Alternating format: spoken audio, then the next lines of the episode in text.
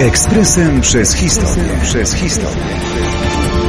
14 kwietnia 1940 roku, drugi dzień drugiej deportacji Polaków z terenów zajętych przez ZSRR.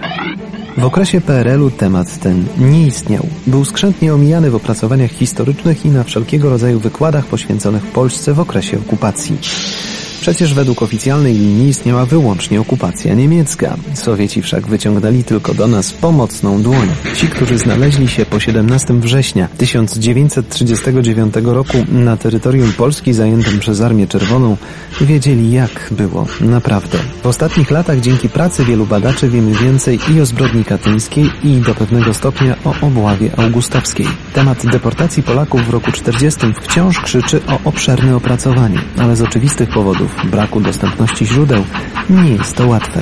Podobnie jak Niemcy, którzy rozpoczęli swoją okupację od wymordowania inteligencji i tych ludzi, którzy mogli stanowić zagrożenie dla ich nieludzkich rządów, także i Sowieci przystąpili do działań represyjnych wymierzonych w podobne grupy. Polskość miała zostać wytrzebiona. Mieliśmy stać się co najwyżej tanią siłą roboczą. Jednym z elementów represji sowieckich były masowe deportacje Polaków z terenów Polski, które nakazał zająć towarzysz Stalin. Historycy dziś mówią o czterech falach deportacyjnych. Pierwsza z nich rozpoczęła się już w lutym 40 roku.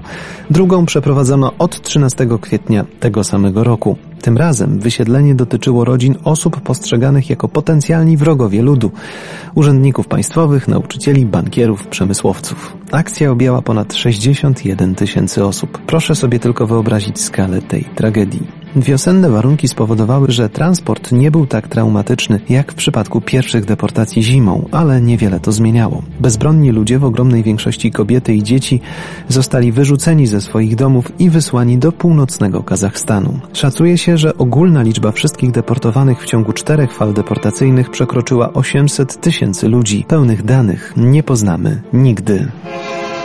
Ekspresem przez historię. Przez historię.